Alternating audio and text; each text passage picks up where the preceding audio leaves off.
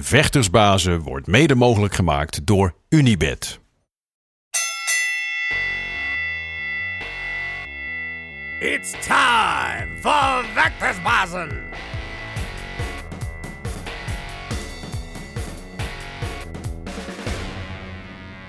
Is weer woensdag. De vechtersbazen zijn terug in je leven. Je wekelijkse favoriete podcast. Met alle beste vechters die we hebben in Nederland. En al hun mooie verhalen. Eh, maar waar zou ik zijn in het leven? En vooral in de vechtersbaas. Zonder mijn vaste partner in crime. De enige echte former Strikeforce champion in the world. Blijft leuk om te Ja, ik, ik, jongen, het is het moment van de week voor mij, hoor. Mooi. Ja, Alles goed, Marloes? ja. Ja. ja andere omgevingen. Andere hè? setting, eventjes een andere omgeving. eh, eventjes een logistieke wisseling. eh, dus eh, we zitten tijdelijk even hier. Ja, ik zie, ik zie de, de panelbende Pride posters, dus eh, ik voel me gelijk we- We thuis. zitten in de panelbende setting. Dus, Ja. eh, eh, maar dat mag de pret niet drukken. Zeker niet. Want we hebben echt twee toppers, een vader en zoon. Hier keek ik lang naar uit, als ik heel eerlijk ben. Ja, echt. Ja, eh, eh, ja, twee legends eh, in their own right, zoals ze zo mooi zeggen. Eh, de een nog eenmaal aan het begin van zijn carrière, de andere aan het eind van zijn carrière. Nog Nee joh, Ja, nog lang niet. lang niet. Door, doorstart. Ik heb het natuurlijk over eh, ja, de enige echte Albert en eh Gradus Kraus. Jongens, goed dat jullie er zijn. Eh, we willen toch van alles en nog wat met jullie hebben. Eh, maar voordat we echt inhoudelijk op de boel ingaan... beginnen we het programma altijd met het onderdeel dekking laag. Dat ik ga een aantal stellingen op jullie afvuren. Eh, en dan mogen jullie gewoon eh, lekker kort op reageren. Niet te lang over nadenken, lekker spontaan. En kunnen we er straks altijd nog over doorpraten als daar aanleiding voor is. Dus Hij, hij heeft zijn dekking altijd laag. Het is grappig, want iedere keer als Dennis dan tegen vechters zegt... en eh dekking laag, dan zie je iedereen zo... wat? Niet. Ach, mooi niet. Maar nu wel. Niet nadenken, antwoorden. Oké, nou de stemming staat- zit er in ieder geval lekker in. Ik zou zeggen, eh, we gaan beginnen. Ehm, voor jullie allebei, Kraus of Kraus?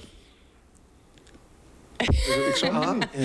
Kraus of Kraus? Kraus. Kraus, ja. De instinkertjes van Dennis. Eh, ook voor jullie allebei, boksen of kickboksen? Boksen. Boksen. Allebei Boksen. Ja, dat had ik van jou wel verwacht, van jou misschien wat minder. Maar Oké. Ehm, voor jou, Os of Japan? Hoe? Japan. Mooi. Ehm, voor jou schijnbedriegt of schijnbeweging? Eh, schijnbeweging. Schijnbeweging. Schijnbeweging. Ehm, voor jou, hurricane of storm in een glas water? Hurricane. Eh, die geldt voor jou trouwens natuurlijk ook zo. Ehm, ook voor jou, eeuwige strijder of toe aan pensioen? Eeuwige strijder. Voor jou, olympisch kampioen of wereldkampioen? Wereldkampioen. Hey, hey. Daar gaan we op terugkomen. hoor. Eh, ook voor jullie allebei, eh, m- eh, wel, we moeten nog Mayweather of Logan Paul? Weg. Dat was niet zo moeilijk, hè? Nee. Eh, voor jou, Sauer of Petrosian? Sauer. Nou, dat is natuurlijk wel gewoon eh, Nederlands best. Ehm, en voor jou, nu al top of de beste stilte kan? Eh, een tweede. Tweede, beste stilte kan? Beste Ja, er. Je bent er nog niet. Nou, dat is bescheiden. Netjes. Ik weet het De niet. beste. Natuurlijk al, maar ik, weet even, ik ben heel slecht in Engels, dus even bij deze. Oké, eh, nu al top of het beste moet nog komen? Ja, beide. Beide. Ja. Hey, ja, waarom eh, beide? Want je bent nu al goed, maar je wordt nog veel beter. Oh, ik vind, ja, juist. Ja. Ja, Eh, eventjes, eh, even begin bij het begin. Want natuurlijk vader en zoon. Jij bent 40 nu, Albert. 41. Oh, je bent één jaar ouder dan ik. Oh, je moet nog veel. Oké, sorry. Ja, ik wil eigenlijk boze blikken. Ja, ik Zie ik er zo oud uit? Ik word meestal jonger geschat. Nee, ik weet Ik je... ben nou een keer ouder, ja. Like een stare-down hier door die zaal heen. Maar ja, want je, je zei net van, ja, ik ben, ben nog lang niet klaar. Eh, je, je- officieel ben je nog steeds eh, actief. Ja, ik train sowieso. Ik moet met hem wel trainen, anders heeft hij een, eh, geen tegenstander om mee te trainen. Dus ik moet mezelf toch elke keer opofferen voor hem. Ik doe niet heel veel, dat doe ik alleen maar eigenlijk met hem sparren. Dus verder eh, moet ik wel zorgen dat mijn conditie weer een beetje omhoog gaat. Ja, er komt nu toch niks, of er is nu toch niks met die corona. Dus eh, ja, het is afwachten. Maar als er weer iets komt, dan eh, all hands on deck. Ja? En wordt het dan boksen of kickboksen? Want je zei net, je koos voor boksen toen ik je die keuze gaf. Maar Ja, kijk, ik vind het boksen vind ik gewoon nu leuker om te kijken. Maar ik heb zelf altijd geen dan. Dus dat is voor mij toch wel eigenlijk... ja... Het mijn achtergrond geweest. Het, het, het opstapje ernaartoe, zeg maar. Eh, maar eh, ja, boksen is toch wel over de hele wereld gezien... toch wel een stuk populairder en eh, interessanter denk ik om te zien. Ja. Je zegt, ik vind het leuk om te kijken. Kun je dat iets meer uitleggen? Ehm, ja, net als je nou die partij ziet, zo'n eh, eh, Billy Joe Sanders tegen Canelo. Ja, dat is toch geweldig om te zien. Er komt er ook, ook die eh, YouTuber aan tegen meewerken. Ja, dat, dat is dan weer een stukje minder. Maar goed, eh, Maar Vind je het kijken naar boksen, doet, doet jou meer dan het kijken naar kickboksen? En is dat omdat de partijen in het boksen dan jou meer aanspreken? Of hoe moet ik dat zien? ja, ik weet niet. Ik denk toch dat dat... Ja, hmm, hoe moet ik het uitleggen? Toch wel, wel groter is dan... eh, als ik kijk dadelijk weer eh Tyson Fury tegen, tegen Wilder. Ja, dat er wel...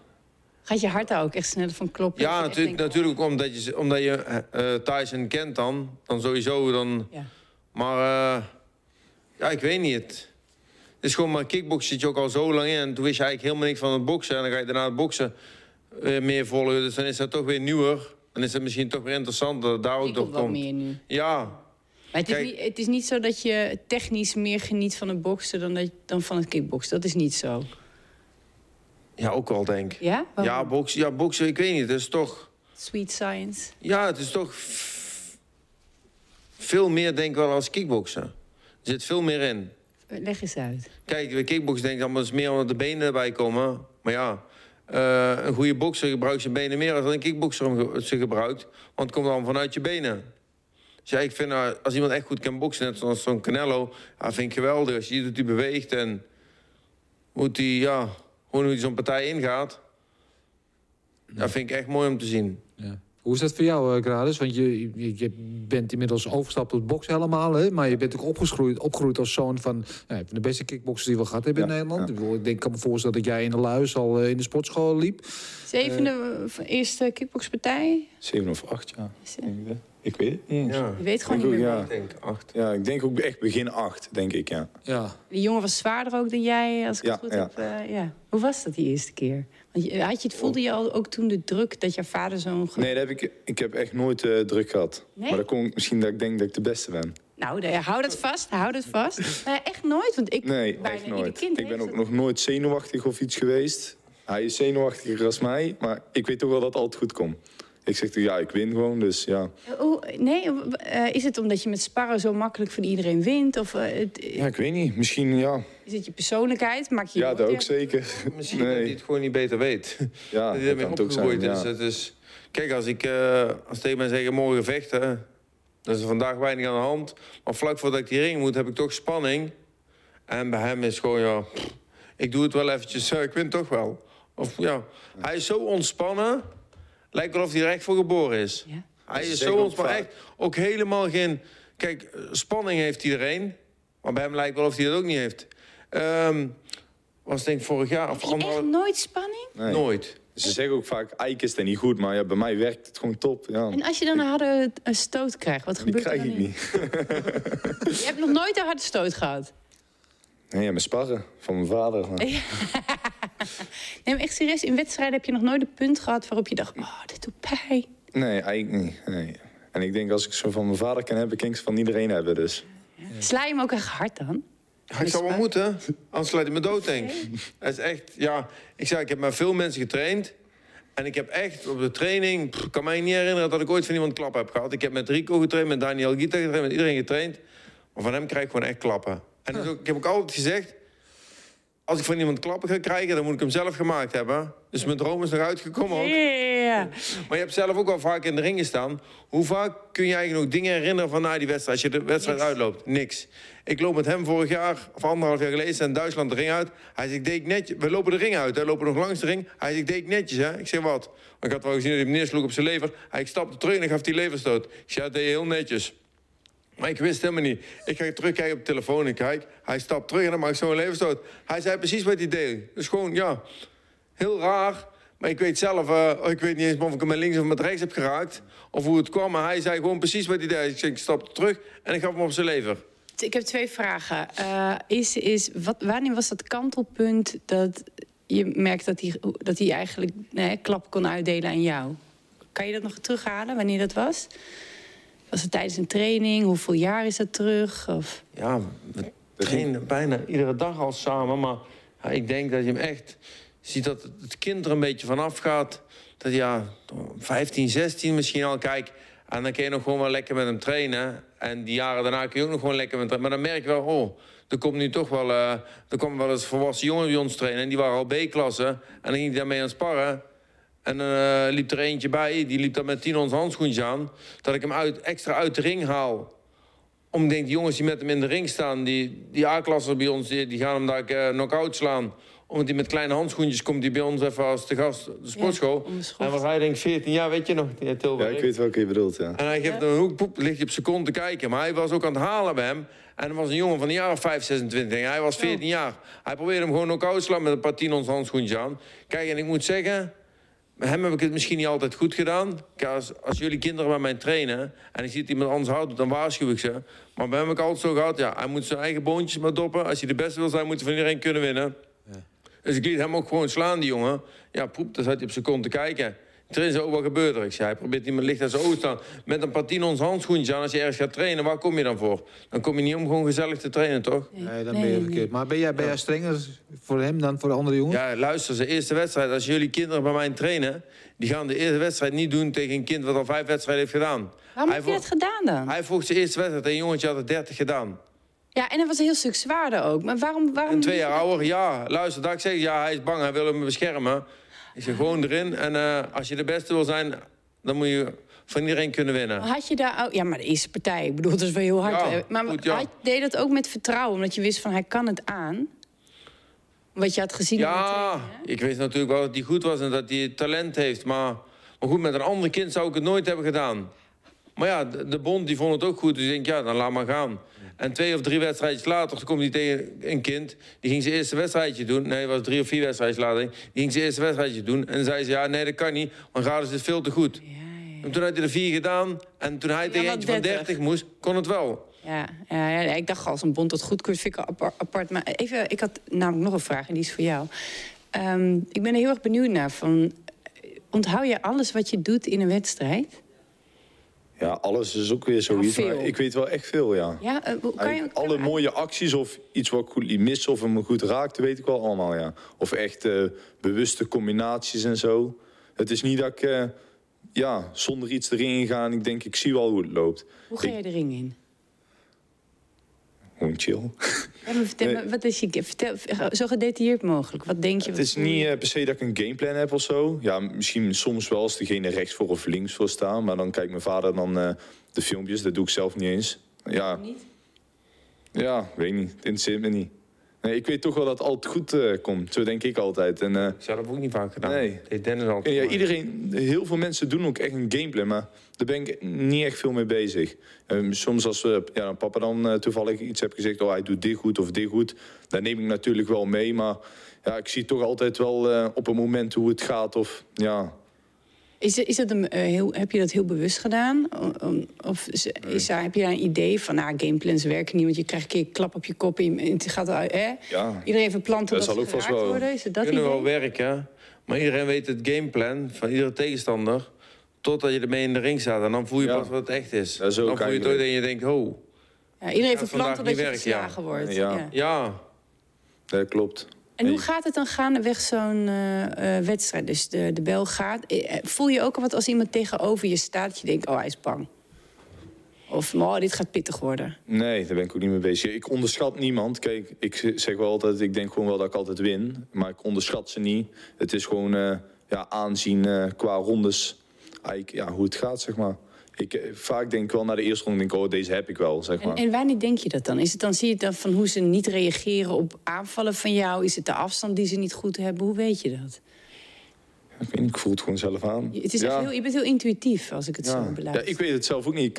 Ik, kan het niet uitleggen, eigenlijk. Nee, nee, maar dat hoeft ook Nee. niet. Hoor. Ik vind het gewoon heel interessant. Het Ja. is, eh, daarom zeg ik, je bent heel voelend, heel intuïtief. Ja. Het is eigenlijk van je voelt. En, Ja, eigenlijk gewoon, je voelt het aan, ja. en denk, zie jij ook bijvoorbeeld als iemand... ehm, Na die eerste ronde, hè, je gaat de tweede ronde in. Kun je een persoon dan lezen als je na die eerste ronde denkt van... oh ja, dit ga ik winnen. Weet je dan ook, kun je dan ook aanzien komen wat ze gaan doen? Bijvoorbeeld, oh, je gaat nu met rechts trappen. Oké, dan weet ik al dat ik mijn dekking... Whatever. Ja, ik heb wel gauw iemand door, dat wel. Ja, ja.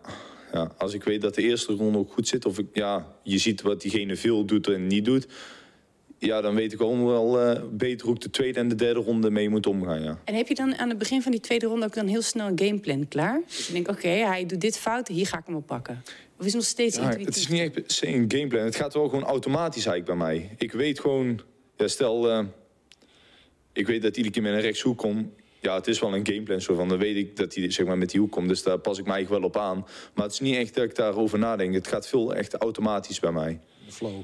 Ja, ja, dat is het gewoon eigenlijk. Ja, het is gewoon eigenlijk de flow. Soms, Ja. soms lijkt het of hij een extra zintuig heeft. En niet omdat hij nu van mezelf is dan. Of, eh, maar gewoon dan ben ik hem aan het petsen of iets. En denk, nou heb ik hem. En toch, Ja, dan- toch is hij weg. Is echt. Of we zijn aan het Ja. sparren, we zijn aan het sparren. En dan doet hij, maakt hij een foutje. En denk ik, hé, wacht, de volgende keer heb ik hem. Of ik doe één keer iets waar ik hem mee raak. En dan zegt hij, ja, denk, denk je dat ik niet weet wat je gaat doen? Ja. Dan zeg ik voordat soms ook gedaan, doet. Dus ik denk je nou echt dat ik het niet weet. En dan begint hij te lachen. Maar ja, het is niet... Het gaat echt automatisch. Het is ook niet... Net een stoot of zo dat ik hem vreemd. aan zie Je komen zou of er zo. Maar een het gebeurt trainen om het te voelen. Ja. Ik- Schitterend. Wat ik, wat ik, me Ik kan het zelf ook echt niet uitleggen, maar Ja, het is wel fijn, daar niet van. Wat ik me afvroeg, want we vragen heel vaak aan vechters van... eh, wat dreef je ertoe om te gaan vechten? Hoef ik jou niet te vragen, want je, je stond al in de sportschool voordat je kon lopen, Ja. volgens mij. Ehm, eh, wat ik me dus daarentegen afvroeg, van, was er eigenlijk een andere optie voor jou? Wat was, heeft ooit door je hoofd gespeeld dat je iets anders zou worden dan een vechter? Als je opgroeit inderdaad als een zoon van, van de grote Albert Kruis. Ja, ja, je weet het natuurlijk dan nooit, maar ik vind het ook zelf ook wel echt leuk. Het is ook vaak logisch als de vader het doet en daar kijk je tegenop, moet je het ook doen. Maar god weet dat ik dadelijk voetbal leuker had gevonden. En ja, dan was ik voetballer geweest. Maar Maar welke vader of trainer heeft een echte goede zoon? Ja, er zijn er wel. In, maar ja, er in zijn alle sporten. Noem maar op. Johan Cruijff, Maar ja, Jordi Cruijff Nederlands zelf gehaald, was- Barcelona, ja, maar ik vind gespeeld. Jordi Cruijff was eigenlijk niet, denk ik, toch echt... eh, als hij in Jordi Cruijff had gegeten, eh, geheten, zou hij dan ook ooit in Nederland zelf hebben gezeten? Ja, op- Hij was toch lang niet wat zijn vader was, eigenlijk. nee, daarom En dan was ik... hij wel heel goed, dus voor hem zou het sowieso heel moeilijk zijn. Maar je ziet eigenlijk weinig toch dat de kinderen ook echt, Niet zo echt, gauw. echt goed zijn. Nu zag ik van de week een filmpje horen van dat hij het ook goed deed. Hoe heet die zoon van... eh Ronda Rousey. ehm, hoe heet die nou? Die Ier. eh, de Hitman. Eh, ik kan het 500 keer zeggen. Eh, Ricky Hatton. Ja, ja. Ik zag die zoon van een boksen. Denk, ik, ja, hij is goed. Ja, die jongen kan wel boksen, maar maar het is niet bijzonder. hij kan niet in de, in de schaduw van zijn vader boksen. Nee. Maar, En wat wil je daarmee zeggen? Hoe vaak zie je dat een, een zo'n... Dat je dat eigenlijk bijna nooit ziet. Dat ze toch goed zijn. Kijk, ze kunnen allemaal wel iets, maar niet echt de top gaan bereiken, denk ik. Wat- Dus wat- dat er altijd iets tekort kan komen. Wat voorzie je dan? Eh, wat voor carrière voorzie je? Ja, weet niet, misschien heeft hij het van zijn moeder. Nee, wat voor carrière voorzie je? Wat, Oh, wat ik voor. Ja. Dat is altijd moeilijk te zeggen, natuurlijk, maar. Met een beetje hoop en een beetje realisme. Wat zie je dan? Dat het sowieso de beste bokser wordt die Nederland ooit heeft gehad. Ja. Maar er zijn ook eh, eventjes, want dan, eh, de wedervraag voor jou. Want eh ja, loopt ook al je hele leven mee in de vechtsport. Ik bedoel, je, je maakt je profdebuut in 1999 al, volgens mij zo'n beetje. Ehm, je weet ook alle hoogtepunten, maar ook alle dieptepunten en valkuilen in de vechtsport. Dus Ja, natuurlijk. nog Maar ja, goed, ik heb. Ik heb een hele rare carrière eigenlijk. Ja. Die heeft niemand. En daar gaat ook nooit iemand met me nadoen. Niet omdat ik nou zo speciaal ben en zo dat ik dat wil noemen. Maar ik zei al, ik heb misschien heel veel geluk gehad. Eh, ik begin met kickboksen toen ik 17 was. En toen ik 21 was, won ik de K1 Max. Ja, als toen ik de K1 Max won, had ik eh, drie A-partijen gedaan. Ik vocht aan mijn 17e of 18e partij. Dus toen ik 20 of 21 partijen had gedaan, had ik de K1 Max ook gewonnen. Dus ik had helemaal geen eh, weg ernaartoe, zeg maar. Ik was niks en ik stond er ineens. En ik heb mij altijd moeten verdedigen. Iedere wedstrijd die ik had, moest ik mezelf maar verdedigen. Want er zijn eigenlijk geen opbouwwedstrijden bij geweest. Dus dat ik, gelijk eh, heel veel, je had gelijk veel status en daardoor zat heel veel druk op. Ja, ja, heel veel druk, ja, weet ik niet. Het was gewoon, eh, ik had een wedstrijd, ja, nou, ik ging drie weken trainen en afvallen. Als ik mijn gewicht had gemaakt, dan kon ik de wedstrijd vechten. Dus ik heb misschien ook wel niet helemaal goed gedaan. Hij doet gelukkig wel altijd hard trainen. Maar ik moet zeggen, ik heb wel regelmatig gedacht, ja, doe wel iets rustig aan. Als ik mijn gewicht haal, is het goed. Maar ik mij het meeste druk maak op mijn gewicht. Oh, oh, Oh, betekent, eh, hoor ik dan goed dat jij eh, ehm, niet zoveel trainde? Is dat wat je zegt? Luister, toen ik de KI Max won, toen zat ik nog niet bij Dennis dan. Toen, heb ik, toen ik naar het toernooi toe ging, train ik drie keer in de week. Maandag, woensdag en vrijdag. En ik had een appel en een zak, chi- zak chips in mijn handen. En ik denk, ik kan beter die zak chips opeten, want die weegt niet zo zwaar als die appel. Dus ik had die zak chips op. Dus zo wist ik ook van mijn voeding. En toen kwam ik bij Dennis trainen. Dat was dan een jaar na ik de KI Max won ongeveer. Ik denk, ja, die man die is niet goed. Die wil me twee keer per dag laten trainen. Terwijl ik drie keer in de week trainde. eh. Was ineens, daar leerde ik eigenlijk pas echt Als prof trainen en eten. Daar heb ik eigenlijk echt alles geleerd. Want eh, goed, ik, eh, ik won het toernooi. Maar ik denk niet eens dat ik het toernooi won omdat ik de beste was. Ik denk omdat ik het toernooi gewoon won omdat ik het meeste kracht had die dag. En dat ik gewoon door kon blijven gaan. En ja, misschien het grootste hart daar had. Want ik Laat was de het- laat ik jongste, ik had de minste ervaring. Laat ik het omdraaien. Als je met zo weinig kennis en training wint, dan heb je gewoon heel veel talent. Ja, dat is misschien was weer een nadeel van talent. Dat zei ik net. Als ik drie weken ging trainen, was mijn conditie en was ik fit zat, dacht ik. Dus En dat is het nadeel van talent. Dan heeft hij niet. Hij doet altijd zijn best. Had je bij Dennis die mentaliteit ook nog? Nadat je een tijd bij hem trainde? Dat je eh, dacht... Ja, bij Dennis, bij Dennis heb ik echt leren trainen en leren kickboksen. Daar is gewoon eh, twee keer per dag trainen dan. Al van tevoren, ook als je kon mij op een zak neerzetten... en dan kon je over drie uur terugkomen, dan had je geen druppeltjes weet toch? Als er niemand achter me stond dat ik moest trainen... kan ik tegen hem zeggen, ga je morgen maar lekker alleen trainen? Doe maar eh, tien rondjes van drie minuten op de zak en goed gas geven. Dan hoef ik niemand daarna te laten kijken, hij heeft het gedaan, wel of niet. Want hij doet het gewoon. En ik had zelf wel iemand nodig die eventjes moest, eh, een klein beetje moest corrigeren of een beetje op moest. eh. En, maar toen, op het moment dat je bij Dennis ging trainen, heb je dat toen vastgehouden? Die, dat, hef, dat professionele trainen feitelijk? Of was je daarna op een gegeven moment ook weer dat je dacht... Boah, ik vind het toch goed, drie weken, we gaan er tegenaan. Of heb je, was je toen gewoon, had je een regime? Nou ja, kijk, ik ging wel de laatste drie weken ging ik wel. Dan zei Dennis, eh, dan en dan gaan we beginnen. En dan begon ik langzaam begon ik op maandag. Maar dan was dinsdag de zin er weer over. De week later begon ik maandag en dinsdag. En dan was de zin weer over. En dan, soms loog ik wel eens tegen Dennis. Dan zei ik wel dat ik het had gedaan. Maar als er geen controle was. Ik heb maar de sparringen was ik wel altijd. Kijk, als ik nu, eh, als ik nu een wedstrijd heb, als ik mij ga voorbereiden... dan eh rijd ik gewoon dinsdag en donderdag naar Dennis om te sparren. Of naar Utrecht gaan we ook wel bij Colosseum sparren. Dan rijd ik daar naartoe om te sparren. Ik, eh, veel jongens gaan, ja, ik moet eerst even drie weken conditie opbouwen. Nee, ik ga gewoon eerst sparren en dan voel ik gelijk waar ik sta. En dan eh, Weet je wat je moet doen? ja, weet ik wat ik moet doen. Dan weet ik meteen waar ik ben. Maar wa- wa- wat zegt dat eigenlijk als je eigenlijk niet van trainen houdt? Terwijl je wel een echt groot kampioen bent. Ja, Vond je de training aan zich gewoon niet Misschien leuk? de makkelijkste weg kiezen. Jawel, ik vond wel. Kijk, sparren vond ik wel leuk. Ja, maar, maar eh, weet ik veel, de hardlopen, niet... hardlopen zou ik niet zo zitten. geen zak aan, oké. Nou ja. Eh, dat heb ik ook nooit gedaan. Hoe is het eigenlijk voor jullie? om- Want jullie zijn vader en zoon. Jullie zijn ook coach. En weet je, hij is ook jouw coach. Eh, jullie hebben op dezelfde kaart ook gevochten wel, wel eens. Eh, jullie zijn volgens mij ook gewoon vrienden in het dagelijks leven. Hij is mijn beste vriend. Ja, hoe, hoe is die connectie met jullie? Hoe is het om zo samen op te trekken? Ja, de connectie. Ik denk dat er geen- niet geen één eh, vader en zoon zo'n goede connectie hebt, denk ik. Nee. Kijk, dat kan ik natuurlijk niet eh, zeggen, maar ik denk het wel. De- want ja, het is mijn trainer, mijn beste vriend, mijn vader. En we kunnen gewoon heel goed met elkaar opschieten. hè. We zien elkaar iedere dag. We hebben Ja, ook nooit geen ruzie. nee. Maar ik heb hem ook... Toen hij heel klein was, wel dan. dan was hij, kon hij wel eens vervelend zijn. Maar ik heb hem ook nooit niet hoeven te waarschuwen eigenlijk. Of als ik iets aan hem vroeg. Als ik nou tegen hem zeg, oh ga dus. Loop even snel naar de auto. En pak even dit uit de auto. Dan zegt hij niet, oh ja, doe ik daar wel. Nee, hij doet gewoon gelijk. Het is gewoon, ja... Hij is gewoon eigenlijk ideale kind. Hij is echt zo lief en hij zal nog geen grote mond geven of... eh, Nee. Ja, of tegenspreken of iets. Het is gewoon... eh, Ja. Herken je als vechter ook dingen van jezelf in hem? Ehm, ja, hij is een hele andere vechter. Hij is toch lang en zijn, zijn reaches denk ik 30 centimeter meer dan ik. eh. dus ik kan hem ook niet hetzelfde laten boksen als hoe ik box. Je moet toch eh, zijn eigen ding laten doen dan. Maar eh, ja, veel, veel dingen zie je er dan toch wel in. Kijk, net als eh, sommige, de houding heeft vorig jaar... eh, of nee, vorig jaar, vier, vijf, vier, je vier, jaar geleden... heb hij een keer in Japan gevochten. Was je oud was je toen?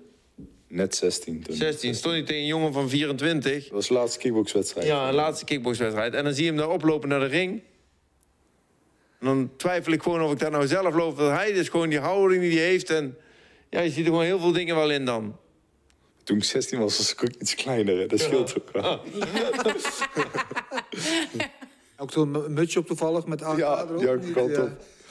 En weet je waar hij mee opkomt dan toch? Hij heeft de tijger. Ja, ja, ja, ja, ja. Iconisch. Wa- wa- Wat maakt hem zo'n goede bokser? We hebben het al een beetje besproken, maar gewoon even... Kun je het kort schetsen? Ja, maar maakt hem een goede bokser. Hij wordt de beste van heel Nederland en misschien wel de wereld? Gewoon, hij heeft een heel goed gevoel. Het is iets natuurlijks. Ik denk dat het ook een klein beetje misschien wel aangeboren is. Of toch vanaf kleins af aan opgepakt. Op een of andere manier. Want toen ik zelf met kickboksen begon, was ik 17 jaar. Nou, eh, Dus dat als ik hij... wat hij allemaal had gedaan toen hij 17 was, kreeg ik al klappen van hem, zeg maar. Nou wel. nou wel. Maar is, is het... Is het, is nog het niet. Toen Is, hij 17 was nog niet. En nou nog net niet, denk ik. is het zijn inzicht? Is dat wat hem zo'n goede bokser maakt? Of heeft het ook met zijn voetenwerk te maken? Is het dat hij zo... Ja, ik denk dat het het afstand- complete, complete plaatje is. Maar dat is ook wat ik net zeg. Lijkt wel of hij extra zintuigen heeft. Lijkt wel of hij weet wat er gaat komen. Ja, ik- eh, patroonherkenning. nou, dat maakt niet uit als je dat weet, dan, eh dan is kan een geheim. Dus eigenlijk, hij kan die patronen heel goed bij mensen. Ja, Dus ja ik weet niet. Dus, ja, of hij voelt het gewoon aan. Ik Of... vind het ook heel moeilijk over mij te zeggen. Ja. Ik weet het ook echt niet. Sommigen zeggen, wat is je specialiteit? Of waar ben je nou goed in? Ja. Als je met mij spart, is het meestal geluk. Als je me laat missen. Waar liggen je ambities? Je bent op een gegeven moment overgestapt van het kickboksen naar het boksen... omdat je daar meer toekomst voor jezelf zag. Eh, waar liggen je ambities daar? In het boksen? Ja? Oh ja, ik wil sowieso eh, de beste van de wereld worden. En eh, ja, probeer ook alle gordels te kunnen pakken die er zijn. ja. Eigenlijk net als als je kijkt naar een Canelo of zo, dat vind ik echt mooi om te zien. Die heeft gewoon nou ja, op één gordel na, geloof ik. Ja, het is ze allemaal. Ja. Even Caleb Plant eh, moet hij hem nog hebben. Ja, ja, ja. alleen die eh, moet hij nog. En net als je dan ziet bij Tyson Fury, zeg maar, die had ze dan ook allemaal. Hebben ze niet verloren om een wedstrijd te verliezen, zeg maar. Maar die heeft nou ook, ja, moet je zien. Eh, in een korte tijd ook. Hij was heel dik en nou in één keer, eh, ja, ik weet niet wat ik zit te lullen eigenlijk. Nou, Ja, gewoon goed terugkomen na die... eh, Ja, ja. het is op een gegeven moment met depressie. Mooi ja, met die depressie, jij eruit is gekomen. Ja, dat, Ja. eh, Ja. Ja. ja. en dan, kijk, als iemand in een de- depressie heeft gezeten... dan hoe lang duurt het dat je eruit bent? Poepen, hij komt terug en hij staat er gelijk weer. En, eh, meteen tegen de beste. hij pakt zeg maar, ja. geen, Ja. eh, geen omweg er naartoe. Nee, hij pakt Meteen meteen de route tegen- tegen recht er hoe naartoe, de kortste weg. Wat ik net aan jou vroeg, Olympisch kampioen of wereldkampioen, zij wereldkampioen. Ja. Eh, maar het was ook, ik weet niet of het nog steeds is, jouw streven om naar de Olympische Spelen te gaan. Of is dat, heb je dat achter je gelaten inmiddels? Nee, daar kan ik nou niet meer voor kwalificeren. Nee, nee niet, maar dat er is komen over. uitgesteld door corona. Het, eh, Ja, maar toen hebben ze de, jongens de, de wereldkwalificatie, de wereldkwalificatie hebben ze helemaal geschrapt. Ja. En die had ik nodig, zeg maar. Die had ik nodig. Ja. Omdat ik, eh, En dan gaan ze gewoon uit de, willekeurig vanuit de ranglijst kiezen. Ja, hij is één jaar elite, dus hij staat nog nergens op de ranglijst. Maar je bent, je bent 19, hè? Bent, nu Nee, toch? ja. Ja, eh, over drie jaar zijn er weer Olympische Spelen.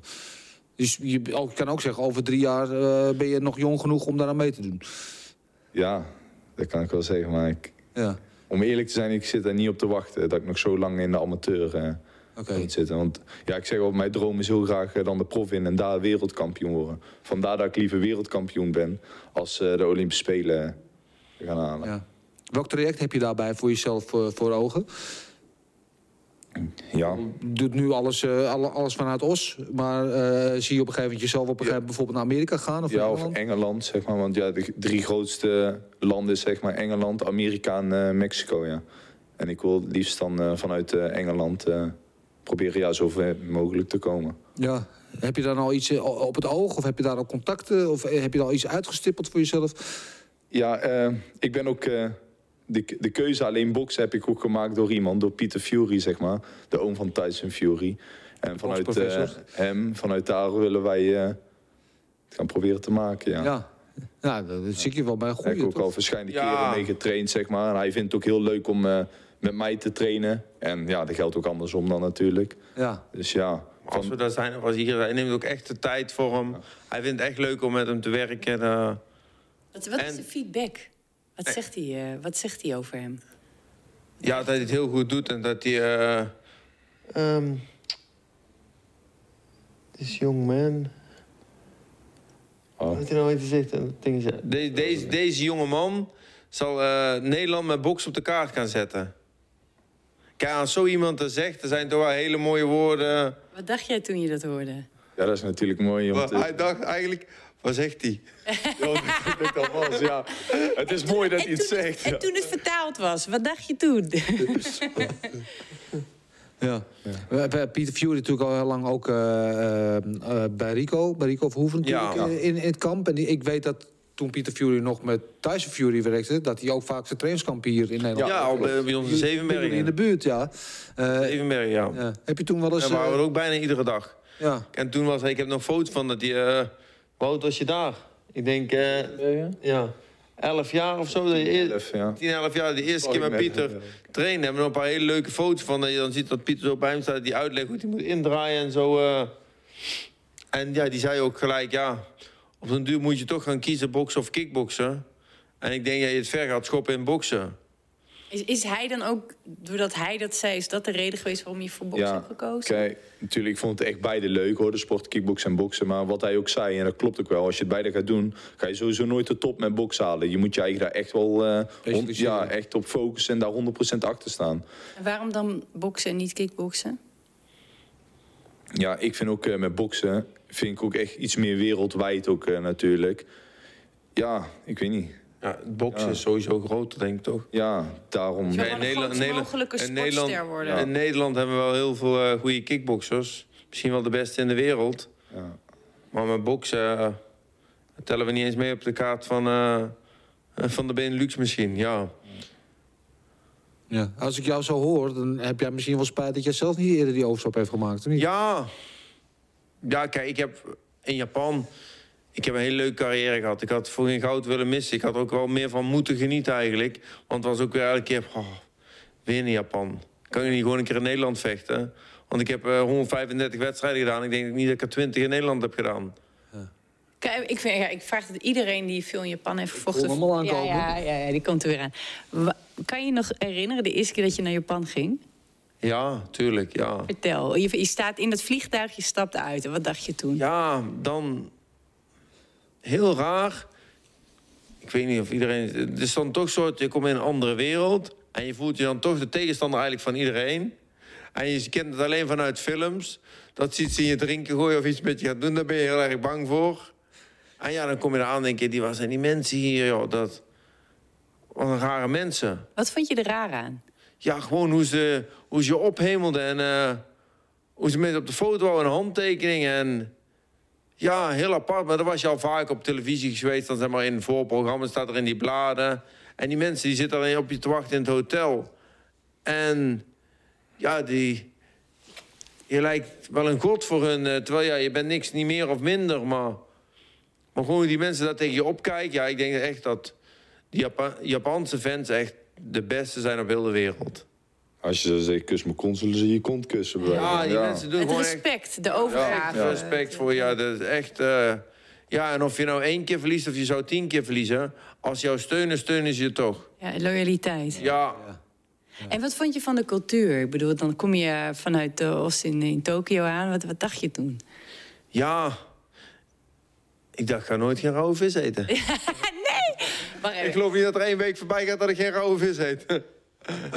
Maar hoe Ja, was in het begin allemaal is, is dat allemaal raar. En, en nu zie je het allemaal op internet en, en social media. Maar ja, toen was het eigenlijk nog helemaal niet. Nee.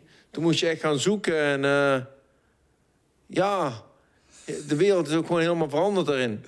Hoe, hoe vaak ben je uiteindelijk in Japan geweest? Weet je het nog ongeveer? Ik denk 65, misschien 70 keer. Maar je hebt toch een legendarisch partijdag gevochten, man. Ja. Alles maar, weet je wat, een Petrosian, Boerkou, Sato, Ja. Masato, Sauer. eh, ja, dat klopt. ja. Maar Welke helemaal- partij staat er voor jou, eh, springt daar echt eh, uit? Goed. In je Japanse tijd, zeg maar. Ja. Misschien met Sato. Die is ook voor mij tw- twee keer partij van het jaar geworden van de Keimax. Maar hij was zo'n harde knoest. Die sloeg ik aan. En ik denk, nou maak ik het af. Toen geef ik hem zulke harde klap op zijn kop. Terwijl die gewoon hersteld van mijn klappen leek wel. Ik had hem beter gewoon kunnen laten. Maar dat was elke zo'n harde partij met hem. Hij is zo'n harde, lange, dunne knoest. Ja, dat was gewoon echt... eh, echt harde partij met hem gevochten. Dus de, de- de- die partij vindt tof omdat die het hardste waren? Ja, gewoon ook, maar die werd ook uitgeroepen als partij van het jaar. Dan kreeg je van die kaartjes en stond op best match of the year. Ja, ja, dames en heren. Ja, Ja. Oh, tof. Wat deed dat met je? Dat je gewoon eh, zo'n kaartje in handen gedrukt kreeg? Ja. Wat deed dat met je? En Ja, voor de weet tof dacht je... Ja. Ja. ja, ik weet niet, op een of andere manier. Dacht je, ah, whatever. Ja, je was er toch wel aan gewend. Dan zag je ook mensen die meekomen en denken, "Hè, wat doen ze dan met hem? Ik weet hij ging in Japan vechten. En ik ging een demonstratiepartij doen tegen uh, Koiramaki. En we stappen het vliegtuig in. En ik zeg, eh eh, Kenny sit next to me, want dat één stoel zat ertussen. Oh, your friend? Ik zeg, ja. Oké, no problem. Dus hij ging bij het raam zitten en hij ging... Of nee, hij ging, bij de in midden zijkant zitten, zitten. Hij zat in het midden naast me. We komen aan in Japan, dus 12 uur langs die, langs die man gezeten. Ik pak mijn koffer van de dingen. Ho, ho, Harubato Kroos? Harubato Kroos? toen, toen herkende hij me pas, toen ik daar op het vliegveld was. Ze had 12 uur naast me gezeten en gelijk foto's en handtekeningen. Oh, wat een verhaal. Ja. Maar was, 12 uur naast je gezeten en je had nog gevraagd of hij wou ruilen. En ineens werd hij helemaal dol. Maar er is ook, dan stond je op straat en dan komen de mensen naar je toe, foto's, handtekeningen. En dan stonden ze misschien op den duur met 30, 40 mensen om je heen. En dan zie je een oud vrouwtje bij lopen, die wil met je op de foto. En dan lopen ze weg en we hadden we een tolk bij. Dan zeg ik, wat zei ze nou? Ja, ze zei, wie is dat? Je op de foto. Ze denken, we kunnen die foto maar vast hebben. En dan gaan ze vragen wie je bent. kijken wie Ja. het is. Maar eventjes voor jou, want ehm, jij hebt dus ook in Japan gevochten. En dan kom je in, in de voetsporen van je vader, die daar natuurlijk een soort van levende legende is. Hoe was dat voor jou? Was dat iets bijzonders voor je? Ja, ik vond het wel echt vet toen, ja. Ik zeg wel, dat was wel mijn laatste wedstrijd, kickboxwedstrijd. En de Maar- eerste keer in Japan? Ja. Nee, hij is wel Nee, vaker in Japan, in geweest. Vechten. Ja, Ja, maar daarom vond ik het ook wel ja. extra leuk om een keer zelf weer te Ja, dat bedoelde ik. Ja, ja. eerste keer vechten in Japan. Eens wat minder was dat ik op mijn eten moest letten in Japan toen. Oh, vertel. Ja, als ik meeging, zat altijd te vreten natuurlijk. Ja. En dan moest ik zelf een keer opletten en kon hij. Ja, ik kon gewoon overal lekker eten. Dat was ik ook niet gewend. Als ik in Japan was, ik moet natuurlijk altijd opletten. Dat was het En- en enigste nou kon- nadeel. Nou kon ik, want ik hoefde geen gewicht te maken. Wat is, heb je ook een, een gerecht, wat je, een lekker Japans gerecht... wat je er altijd eet als je daar bent? Ja, sowieso na de week pak ik bijna altijd sushi. Heb je ook nog een voorkeur voor de tonijn en het type het tonijn? weer. Ja, je sorry, met als het elkaar vreten nou- gaat, dan ga ik aan. zalm, de, ja, Zalm, oké. ja, tonijn en zalm. Maar, maar voor jou eventjes bij, bij, dat, bij die hele ervaring. Want ik ben een keer in Tokio geweest toen eh, de zoon en dochter van Peter Aarts daar moest vechten. Die draaiden gewoon Oh, ja. een nieuwelingenpartijtje. En er stonden echt ook honderden mensen in de rij om de afloop met ze op de foto te gaan. En dan heb je het over nieuweling. Ik bedoel, Dan kom jij daar als, als de zoon van de grote Albert Kraus. Hoe, hoe, hoe weet jij dat ontvangen? Het, ja, ik- Ja, bij mij, eh, even kijken, er was een galetje. Het was niet zo'n heel groot gala. Volgens mij was het in een hotel of zo. Ja, het was echt alleen maar een soort vips. Ja, we waren Oh. alleen maar VIP's. Dus het was niet dat het groot, een heel groot... chic. Ja, ja. Maar een beetje allemaal die kinderen en zo, die kwamen wel allemaal naar me toe. Kijk, er waren niet echt, Ja, echt fans. Kijken, wat zei je? Ja. Die kinderen allemaal bij me lopen. die kinderen die er waren, die vonden het wel allemaal mooi. Die liepen allemaal bij mij, zeg maar. Maar het was niet echt dat er allemaal fans eh, kwamen kijken bij dat gala. Er was wel ook Nee. de... Het is gewoon uber chic baas, eh, zeg maar, bende van, was het. Van de K1. Eh, hoe heet die nou? Ishi? Nee, nee. is een van de nieuwe Ja. K1, Oh, ja, zeg maar. ja. Ik weet niet meer hoe die heet. Ik heb wel op de foto staan met hem. En toen kon hij dan eigenlijk ook gelijk een contract krijgen. Daarom te kickboksen. Hij heeft gezegd... Hij heeft het heel druk met school. Maar hij is de overstap maken naar boksen. Dus niet helemaal afgehaakt. Maar goed, hij ging toen echt boksen. Dan, eh, dat was zijn laatste wedstrijd. Die zou Want kickboksen. eigenlijk zou ik die niet eens meer doen. Want eigenlijk was Ja. ik toen al een paar maanden aan het boksen. Ja. En toen zei papa, ja, wil je nog één keer dan kickboksen in Japan? Ik denk, ja, tuurlijk, Ja. in Japan, ja. Dus toen Ja. heb ik mijn scheemscherm eens weer even aangetrokken, even trainen. Maar eigenlijk was ik toen al overgestapt naar het boksen, zeg Ja, maar. dat hebben we nog een keer geprobeerd. Maar dan? Maar wacht even, hoe was het voor jou toen, je- terwijl je mentaal de overstap naar het boksen had gemaakt? Je was op boksen aan het trainen en ineens moest je weer kickboksen. Was dat raar? Nee, want van tevoren heb ik het altijd gecombineerd, zeg maar. En ik, ja, laat zeggen dat ik toen twee, twee maanden alleen maar gefocust was op het boksen. En toen heb ik nog eentje ge, ja, gekickboxd, zeg maar. Dus ja, dat viel nog wel mee eigenlijk. Maar ik Ben, denk ben je ook meer gaan boksen in die laatste kickboxpartij? Of viel de, of, Nee, nee, niet het is gewoon weer kickboksen, Nee, ja. ouwe...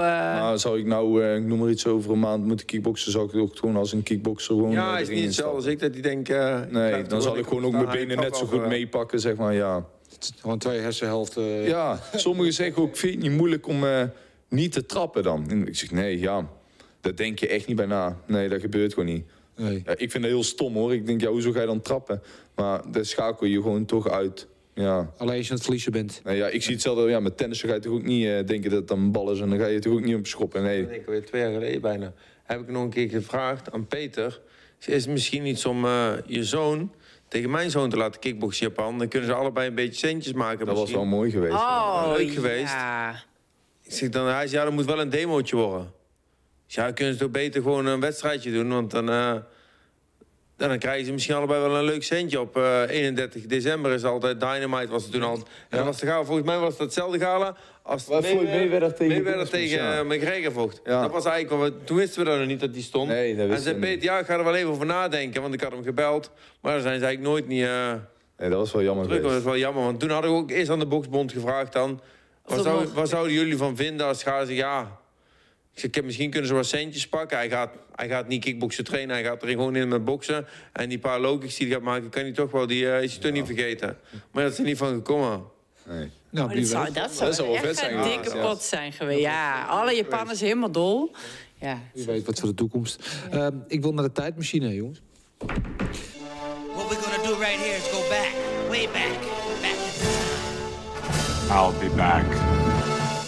Tijdmachine, eh, onderdeel wat we elke week hebben... waarin we de gasten, in dit geval jullie vragen... om terug te gaan naar een bepaald moment in jullie leven... wat je graag nog een keer opnieuw zou willen doen. Kan zijn een moment wat je heel vet vond... dat je nog een keer wil meemaken. Zoals bijvoorbeeld je eerste keer Japan. Kan ook een moment zijn dat je denkt van... Nou, dat heb ik echt niet goed gedaan. Dat moet ik opnieuw proberen. Dat moet ik beter doen.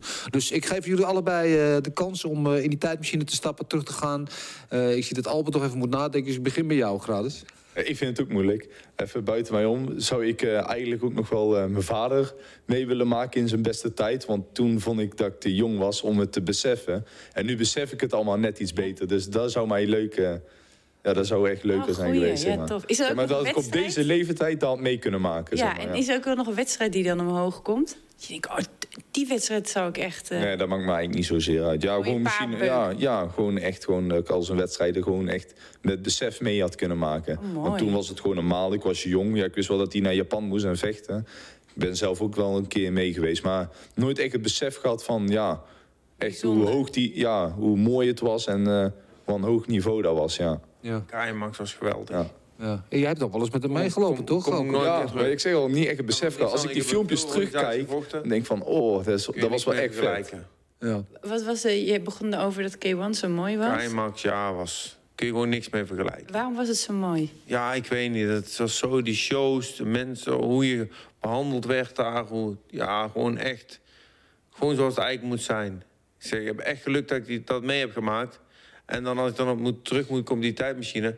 dan is dat misschien dat ik daar meer van had moeten genieten. Dat ik echt blij had mogen zijn. Iedereen was blij om naar Japan te gaan vechten. En ik, ja, ik vocht er vier. Ik heb wel een vijf keer per jaar denk ik gevochten. Maar drie, vier keer was sowieso... Weer naar Japan. Weer heel dat riedeltje naartoe.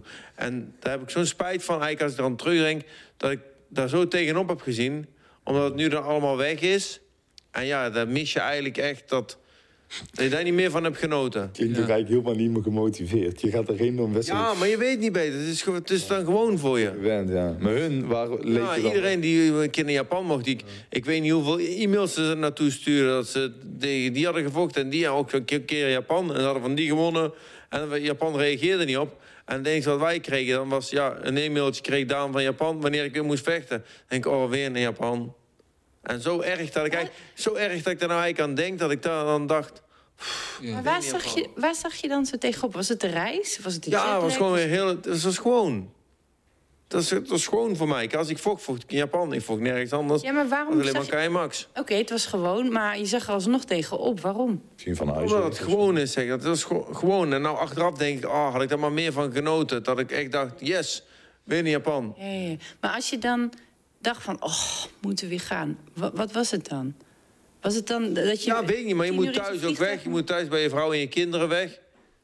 Kijk, daar moet je toch ook elke keer... eh, ik weet nog de eerste keer eh, dat ik in Japan zou vechten. zei Daan, weet je wat we gaan doen? We gaan even twee weekjes trainingskamp naar Thailand. Dus ik weet ook niet waar ik terecht kom. Ik, eh, ik heb wel die film gezien, Kickboxer. Ik denk, zou ik ook in zo'n schooltje terechtkomen? Ja, ik denk, wat je dan kunt eigenlijk aan kunt afwegen... zijn de films die je hebt gezien. Want toen was het helemaal nog niet zo met internet. Dus ging naar Thailand toe om te trainen tien dagen. En eh, daarna ging je vier dagen naar Japan om vast te introduceren... en persconferenties te doen en foto's te maken... En Peter moest toen vechten tegen Nicolas Pettas, want daar had ik ook mee in Thailand getraind dan. En Peter ging één of twee dagen eerder als wij naar Japan en daarna ging ik en Daan er naartoe. En ik weet nog, ik ga daar thuis weg. En ik eh, zit in de bus naar het vliegveld en ik begin gewoon te janken. Omdat ik weg moest bij hem. Ik- Hij was nog nooit... Hij was vanaf zijn geboorte... Hoe oud was hij toen? eh, tien maanden of zo. Hij was nog nooit geen nacht niet tussen ons ingeslapen. Hij heeft echt tot zijn vier jaar tussen ons ingelegen. Oh, tot vervelend toe eigenlijk. Maar de eerste dag dat hij geboren werd, hij boerde niet. Dus ja, ik durf hem nooit zijn eigen bedje te leggen. We hadden, we hadden een waterbed.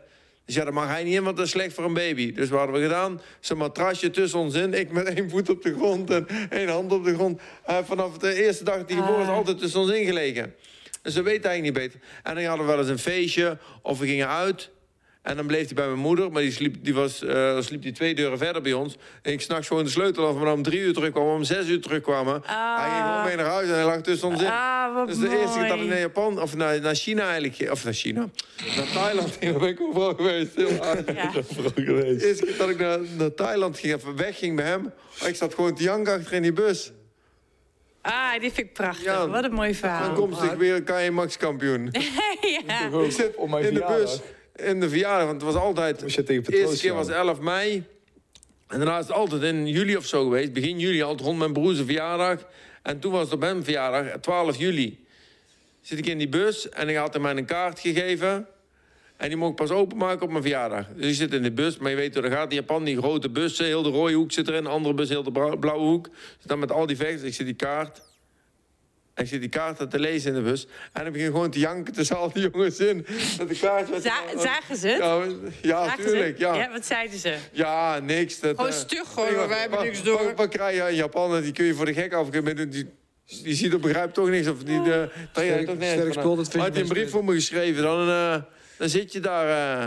Ja, aan de andere kant van de wereld. Ja, Ja. och, ik snap hem helemaal. en dan ook zoals ik belde. Ja, ik sprak je ook nooit. Toch? Nee, op den duur kwam die niet meer aan de telefoon. Ik denk, wat is dat nou, jongen? Maar dan was hij gewoon verdrietig als ik weg was, zeg maar. Dus dan kwam hij en ik denk, wat een kut, jongen. Hij komt gewoon niet aan de telefoon. Maar dan was hij gewoon bang dat hij moest huilen. Het ging, maar als jij, Oh, weet zodra je praatte, niet? kwam gewoon zo... Van, ik- ja, ik kan het niet. Ik kon, Ah. kon geen woord... En dan... eh, ja, als ik hem dan, dan belde... Toen was hij nog heel klein dan. Ja, nou, ik ben... Ja, hallo, heb je, heb je cadeau? Oh ja. Ja, maar nee. Hij kwam altijd met cadeautjes thuis. Ik ben nooit niet teruggekomen zonder dat ik iets bij me...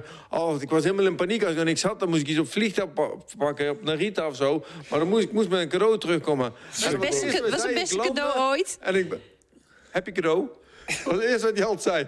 En dan belde ik een dag later... Heb je nou cadeau? Was het beste cadeau ooit? Wat zei je? Was het beste cadeau ooit? Ja, oeh, weet ik niet. Ja, ik denk Ja, van ik denk alles. dat Als je- was een beetje in de Pokémon-tijd. Ja, ik wou zeggen, Oh, en dan uit Japan. ik heb Nee. veel Pokémon. Ah, luister, weet je wat die Pokémon-kaarten kosten toen al? Of nee, wat die, wat die Ja, waren allemaal. ja. Die hebben zulke kisten helemaal vol weggegooid. Ik was echt Pokémon verslaafd. Ze, maar ze hadden toen ook van eh, eh, de JAL, hadden ze toch ook dat vliegtuig. Er zat gewoon Pokémon op en de stewardessen die hadden zo'n Pokémon shirt. En op de... weet ik eigenlijk niet. Ja, dat weet, dat weet was een ik. Weet ik nog. ja, ik dacht, wel dat dan? geweest, ja. Laatste keer dat we er waren, het was Pokémon Go, het spelletje. Oh, ja. En zagen gewoon oude mensen zo lopen en die waren Pokémon. Oh, heerlijk toch? Fantastisch. Maar eh, wat jij net zei, hè, dat je er eigenlijk spijt van hebt dat je niet meer van hebt genoten. Is dat iets wat je wel probeert mee te geven nu aan eh Gradus? Dat hij ook wel, ondanks dat hij keihard moet werken en, alle, en zijn dingen de best moet doen, uiteraard. Maar dat hij ook moet, een beetje moet genieten van de reis. Ja, ja, tuurlijk. Maar kijk, ja, dit was voor mij elke keer ook weer thuis weg, bij je gezin weg. En dan gaat, dat is gewoon... Ik was natuurlijk wel jong toen ik echt al een gezin had. eh. ik eh, ging samenwonen en vijf dagen later werd hij geboren. Ja, maar ik bedoel, dat is nou ook het pad wat jij op gaat, hè? Want Ja. eh, wat kunnen wij Ik weet niet verwachten? beter. Gaat, wat gaat, welk welk levensveranderende event gaat in september plaatsvinden? Wat zei je, sorry? Wat gaat er in september plaatsvinden? Wat gaat er voor jou veranderen? Ja, dan word ik vader. Dus er zal wel veel veranderen. Ja, dus zit je straks ook huilend in de bus? Ja, dat kan zomaar, ja. ja. En ehm, is, is het, want ik bedoel, ik zie daar eigenlijk op parallellen. Hè? Het is wat jij hebt meegemaakt en dat jij nu vader wordt. Ehm, ga je hem, kun je hem daar ook in adviseren van hoe het is om als vader eh, te boksen en hoe hij dan alsnog zijn, ehm, zijn plezier in het boksen en, en eh, het genieten ervan kan behouden? Praten jullie daarover? Het Van nou jongen, er gaat nu wel heel veel veranderen voor je. Nee, ja, Papa dat is- heeft. Ja, eh, ja, ja, hij doet het nog zo raar en vindt het Ik nog zo leuk. toch wel, ja. Maar ja, dat is ook iedere wedstrijd als je naar de ring te loopt. Geniet ervan, want je vindt het leuk om te doen. Iedere wedstrijd gebruiken we er wel een Ja, keer. ja, dat je moet altijd, genieten, ja. lekker ontspannen. En dan zie je hem ook echt doen. Ik zou helemaal geen druk ligt hij zijn eigen op of helemaal niet gespannen. Hij is gewoon aan het genieten als hij in de ring staat. En, Ja. en ik zit langs de kant te genieten. Kijk, je denkt, oeh, als je maar geen klap... Ja, ik zou, ik ben gespannender bij mijn dochter als die doet paardrijden... als als hij moet boksen. Maar dan kom ik misschien ik niet zo eh, gespannen ben. Nou ja, ik weet niet. Ja, maar zij is ook niet gespannen. Levana denkt ook dat ze altijd wint. Gewoon die een winnersmentaliteit, die zit Ja, er we wel, kunnen goed doorgegeven. Absoluut geen spelletje doen. Mooi. oorlog. Oh, wat Want leuk. niemand kan, Heerlijk. niemand kan tegen zijn verlies. Oh, We willen allemaal fantastisch. winnen. Ja. En het wordt altijd ruzie. Oh, Gezellig. topfamilie. Echt, daar hou ik Met, van. met paaseieren zoeken. Al moet dan, ik ben nou Ja. 19, maar moet, nou, dan moet ik nog winnen van mijn zusje. Ja. Ja. En dan kom ik wel eens... Vals spelen bij het paaseieren. En papa is mee. Dan vlogen die eieren door heel het huis heen. Want ik was aan het verraaien. Hij Ja. was vier jaar ouder en hij was nog... Ja, dan zit, ze mijn zusje, zit hij mijn zusje mee te helpen. Zo van, Ja, dat kan dan toch word ik gewoon kwaad op. Dat kan Niet niet. doen, niet doen. De volgende keer gewoon alsjeblieft gewoon een kamer ophangen, maar spelletjesavond bij jullie thuis. Dat Ja. Livestreamen. Hey, ik wil even een rondje langs het velden doen wat de afgelopen weekend is gebeurd allemaal. Eh, even heel kort. Het was, niet heel, nou, het was heel veel, maar ik wil het eh, rijtje eh, beperkt houden. UFC Vegas 27, eh, Rob Font tegen Cody Garbrandt. Iets van meegekregen. Eh, Ja, eh, vooral, hoe, hebben jullie hem gezien trouwens, eh, UFC of niet? Ja, hij volgt helemaal niet. Nee, volg jij het wel? Ik, ik ook niet echt. Ja, een Hey, paar mensen, net als een Conor McGregor of zo. Maar ik weet er niet veel van, zou ik het zo zeggen. Wat ik er tof eh, vond, is... Nou, tof. Ehm, hoe die zijn jab opzette. En eh, je zag in het begin dat... Co- Cody, wil ik zeggen. Eh, dat hij ehm, heel erg de overhand, vond ik nog had. Maar op een gegeven moment toen was er een eh, moment waarop die... eh, even die anders, sorry, ik ben zijn naam kwijt. Die pakte vast, die zette hem om en die gaf een elleboog. En dat was voor mij, zeg maar, momentum in de partij. En toen ging hij ook die jab ging hij steeds meer gebruiken. En nou, uiteindelijk won hij was dat voor mij het moment dat hij hem eigenlijk Ja. de wedstrijd naar zich toe trok. Ja, Wat ja. jij? Nou, nee, ik vond, ik vond vooraf, hij zei wel, Garbrandt natuurlijk in, in die divisieniveau misschien wel de beste bokser, beste voetenwerk, beste head movement. Eh, eh, maar het was eh, Rob Font die hier een soort van striking clinic uit, eh, eh, uitdeelde. Eh, inderdaad, veel met die jab werkende en, en Cody Garbrandt had er gewoon geen antwoord op. Ja. En, eh, ja. Dat is best, heb je dat wel eens gehad, dat je in een wedstrijd zat? Ik vraag jou niet, want je wint altijd. Eh, en dat je dacht van, dat je gewoon geen oplossing had voor je tegenstander. Dat je dacht, ik probeer alles, ik weet gewoon niet hoe ik deze code moet kraken. Heb je dat wel eens gehad? Nee, daar eigenlijk nooit. Wel, ik weet niet, van tevoren... Of, of dat ik het droomde s'nachts al, ik weet eigenlijk niet meer precies hoe het ging dan... maar dat ik het gevoel had dat ik hem niet te pakken kreeg, dat ik hem niet gevangen kreeg... dat ik hem niet vast kon zetten, dat hij bleef bleef vluchten. Dat heb ik wel heel vaak gehad, dat ik dacht... Oh, ik hoop niet dat ik, dat ik hoef te vangen of dat ik hem wel vast kan zetten. Maar ja, het is eigenlijk nooit niet in de wedstrijd. Zeg maar. maar van tevoren had ik het gevoel wel vaak... dat ik, dat ik bang was dat ik hem niet, ja, niet eh, onder druk kon krijgen. Ja. Maar dan viel het er wel mee. Ja, dan... Na die drie weken training. Ehm, eh, afgelopen vrijdag eh, ook eh, Bellator eh, Cyborg. Eh, jou wel bekend tegen Leslie Smit, deel 2. Eh, ja, vrij, een goede wedstrijd van Smit toch wel, maar vrij dominant van Cyborg. Ja, ja nee, ik dacht, ik dacht Starbucks, die, zeker gezien een vorige partij, die, slaat daar binnen vijf minuten eruit. Alleen, eh, ja, wat ik echt heel erg mooi vond, is dat je de evolutie van Cyborg ziet. Hoe zij in het begin van haar carrière, dan heb ik het over 2009, was ze echt geheadhunter. Alles, ze sloeg niet eens naar het lichaam, sloeg alleen op je kop. En alles was op kracht. En nu zie je gewoon, hè, ze heeft ook altijd BJ-wedstrijden gewoon gaan, is ze blijven doen. Ze heeft zich ontwikkeld met boxers, eh, Clarissa Shields bijvoorbeeld. En je ziet nu gewoon dat ze die drie fasen van het spel heel goed integreert. Dat ze had overnames, dat ze ook een trap eh, overnam en vervolgens wegtrapt en, en eh, achterover. En het was, ja, ik, ik heb echt genoten van die partij. Maar ook heel veel respect voor Leslie Smith. Want eh, kijk, ze beweegt als een soort van zombie. Als een dode zombie die achter je aan zit. Dat je echt denkt, even serieus, hè. Maar dat het toch zo volhouden was eh, heel goed. En Liam McCourt heeft, die hadden we vorige week niet besproken. Eh, daar keek ik eigenlijk heel erg naar uit, naar die partij. En gewonnen van eh, Jenny Harding. Dat was natuurlijk een bokser tegen een eh, eh, judoka. En eh, ook goed voor ehm Leer dat ze hem uiteindelijk naar zich toe heeft getrokken. Want ze heeft gewoon die minuten gemaakt. Maar ze is natuurlijk ook de Europese ster. Ja. En daar is heel belangrijk dat voor, eh, voor Bellator Europa dat ze hem eigenlijk won. dus ja, nee, genoten. Top, Ja, eh, mooi. en Cyborg eh, natuurlijk ja, tegen de 40. En, eh, dus ik hoorde een interview met haar, ze wil nog moeder worden. Dus ze wist niet of ze nog heel lang door Ik, spra- ik sprak haar in. Even kijken, wanneer was ik daar? Was het 2019? Ja, volgens mij was ik. Of ik weet het al niet eens meer. 2020 of 2019 was ik in LA. En toen sprak ik haar ook voor Spike. En even off the record. En toen zei ze ook: Is het goed met je baby? Dat vraagt ze altijd. En zeg maar, wanneer ga jij nou een keer moeder worden? En eh, toen zei ze: Ja, soon. Dat was 2019. Nou, het is eh, 2021. En Ja, wie eh, weet. Het is nog steeds hard bezig. Ik wou zeggen, elke corona Oh ja, kan me zo gebeuren. Ja, maar ze is een, ze is een vrouw, hè? Dat- dat is- Ehm, ja, ook afgelopen zaterdag, en dat is misschien meer in jouw straatje... eh, de Josh Taylor tegen Josh Ramirez. Ja, Iets van meegekregen. Ja, ja. De Tartan Tornado. Ja, wat, heb je het gezien? Ja, ik heb stukjes gezien, stukjes op, eh, via Insta en YouTube heb ik stukjes Ja. gezien. Wat zag je?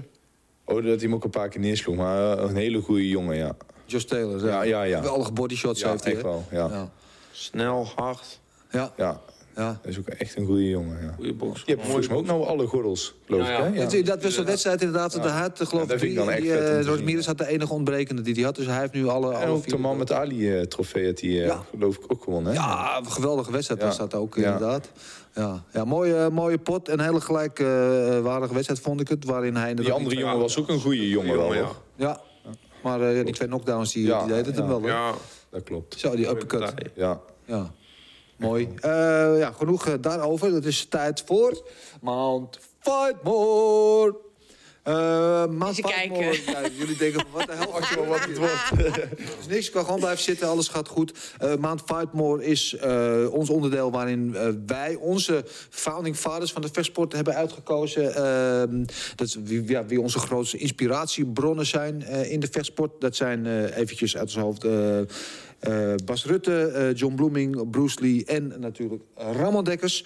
Eh, en onze vraag aan jullie is, en dat mogen jullie afzonderlijk beantwoorden... wie jullie grote voorbeeld, inspiratiebron, idool, wat dan ook is in de vechtsport. Kan iedereen, hè? Dat zijn dus niet de vier op de Nee, berg. ja. Maar... die heb ik wel één. Nou, gooi hem eruit. Mijn zoon. Ah. Echt waar? Dat vind ik wel mooi. Het belangrijkste die er is, toch? Er is nooit geen belangrijker geweest en zal nooit geen belangrijker komen. Ik word er gewoon even stil van. Ja. Ja. Dat is heel mooi. Eh, ik durf bijna niet te vragen wie jij dat gaat noemen. ja, dat heb ik ook altijd gezegd. Niet omdat hij het nou zegt, maar ja. Ik kijk natuurlijk tegen mijn vader op, ja. Ja, En dat is ook echt mijn idool, ja.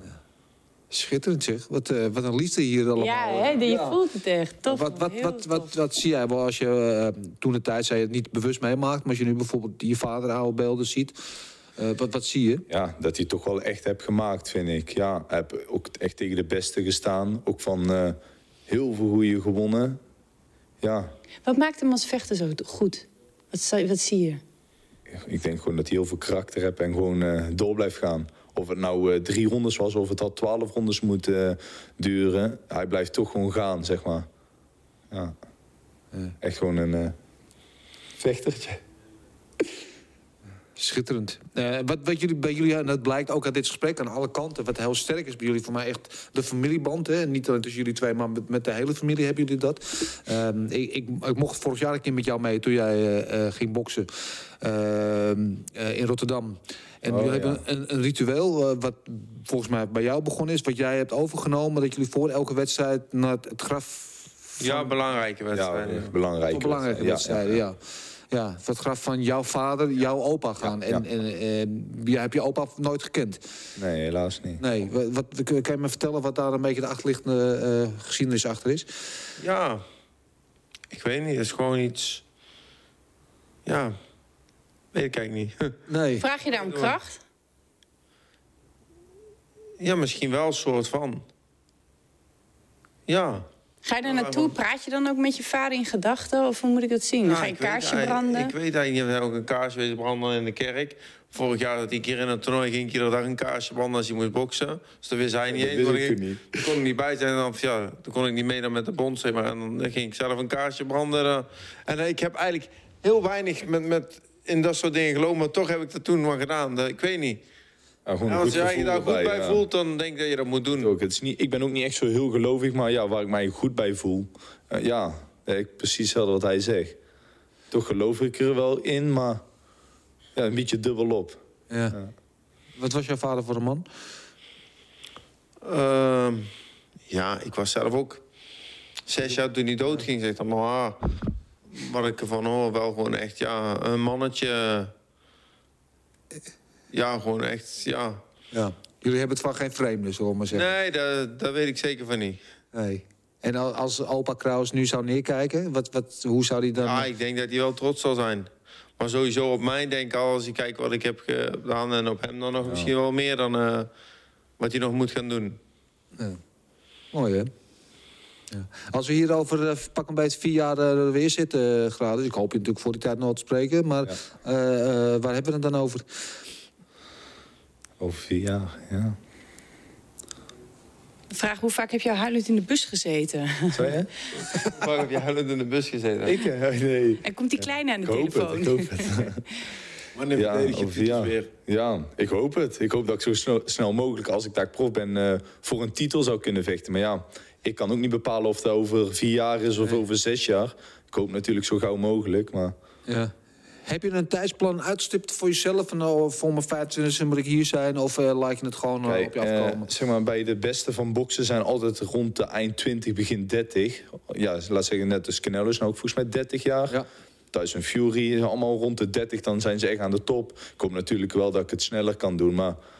Ah ja, ik denk als ik er na de 30 nog niet ben geweest, dan gaat het ook nooit meer worden. nee. George Taylor is ook nog jong, toch? Ja, die, is, die is 24, nee, 24 of Lopez, zo. Ja. 23 volgens mij. Net als die Ryan Garcia, die is ook jong. Dus als we het 21 kunnen, moet ik het ook kunnen, zo denk ik weer. Ja.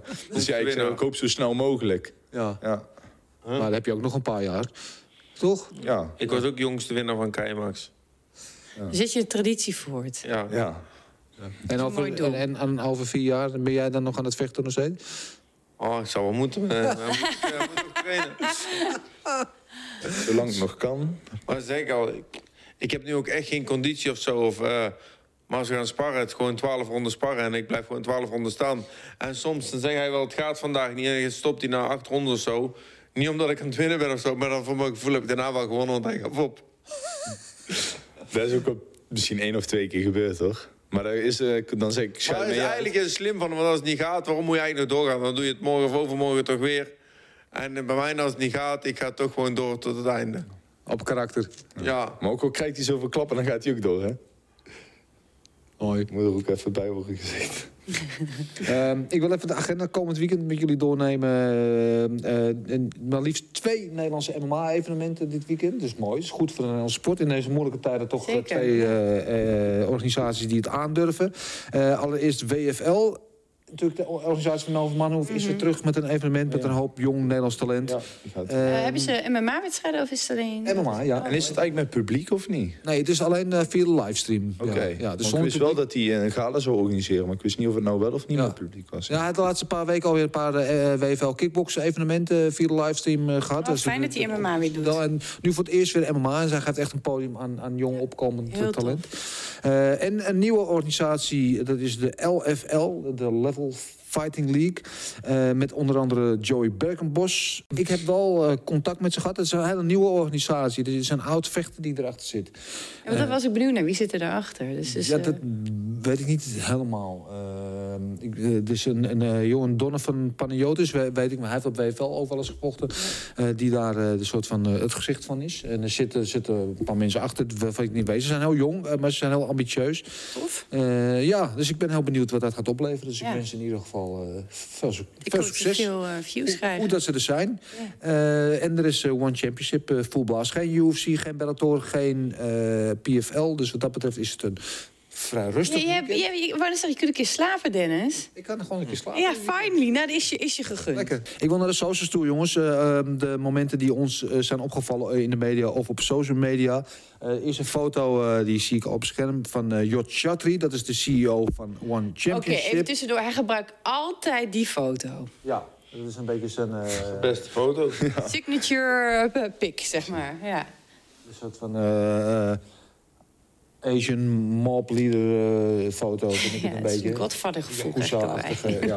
Eh, anyway, hij eh, gaf aan eh, dat hij wel eh, een co-promotie zag zitten met de UFC. Met andere woorden, de, de beste vechters One Championship tegen de beste van de UFC. Nee, maar ze werken ook al bijvoorbeeld met Shuto samen in Japan. Ja. Dus ze hebben ook, maar dat gaat UFC toch Dit gaat doen? nooit gebeuren. Nee. Het was slim van hem dat hij het eruit gooit. Maar... kan het altijd proberen, toch? Ja, Ja. en Bellator Ja. heeft het natuurlijk met Nee, heb je? gedaan. Ja. maar- Ja, maar Bellator, die... Zal de- wel blijven. Ja. Blijven. ja, nee, gaat nooit Nee, maar met. Bellator was het omdat eh, Scott kent... eh, de, eh, die zijn al echt twee decennia of zo... Ja. wisselen ze vechters uit toen hij nog K1-baas was. Dus eh makes sense, alleen dit niet. Het was tof altijd zijn. mis. eh, nooit meer, ja, precies. Eh, tweede is een video, die vond ik wel heel leuk. Van eh, natuurlijk de kerstverse UFC lightweight kampioen Charles Oliveira. Die in eh, zijn thuisstad van eh, Sao Paulo werd onthaald echt als een echte held. Staat daar eh, bovenop een brandweerwagen. Dus hier nu nog eventjes alleen eh, met de belt en met de vlag. Leuk, dit ik echt. Zo hoort het Zo toch? Ja. camera pannen en dan zie je de hele Zo hoort het. Oh, wat leuk. Gewoon in zijn dorpje, lijkt het. Zo werd hij daar door de, de Oh, favelas eh, gereden. En hij komt echt uit eh, het armste van de armste buurten. Ah, wat tof. Ja, ja, daar word ik altijd heel blij van. Ja, ik ook. Eh, laatst zet ik wel even de Mount Fightmore. Hadden we net ook al eventjes uh, Ja, chill Blijft, eh, Flappy. Often imitated, never duplicated. Yep. Is wat maar zeggen. Maar deze vond ik toch wel weer Ja, gaaf. hij is, ik vind hem heel grappig. Son. Ja, ik, ik heb zo vaak zo hard gelachen om die man. Ik vond deze Ja. ook weer briljant. Ja. Eh, en Ja, de vier beste MMA-vechters aller tijden. En dat zijn vier foto's van zichzelf. Ja, we hadden vorige Ik week... wou net zeggen, want ze lijken zichzelf. op elkaar. Een vierling. Je hebt gewoon Bert gekopieerd. Ja, Joe Sonnen eh, volgt eh, een beetje kops. Ja, dus ja. bij deze. Eh, en de laatste, die vond ik ook leuk. eh, van onze eigen Kevin Glenn Pina. is natuurlijk ook vast onderdeel in deze show inmiddels.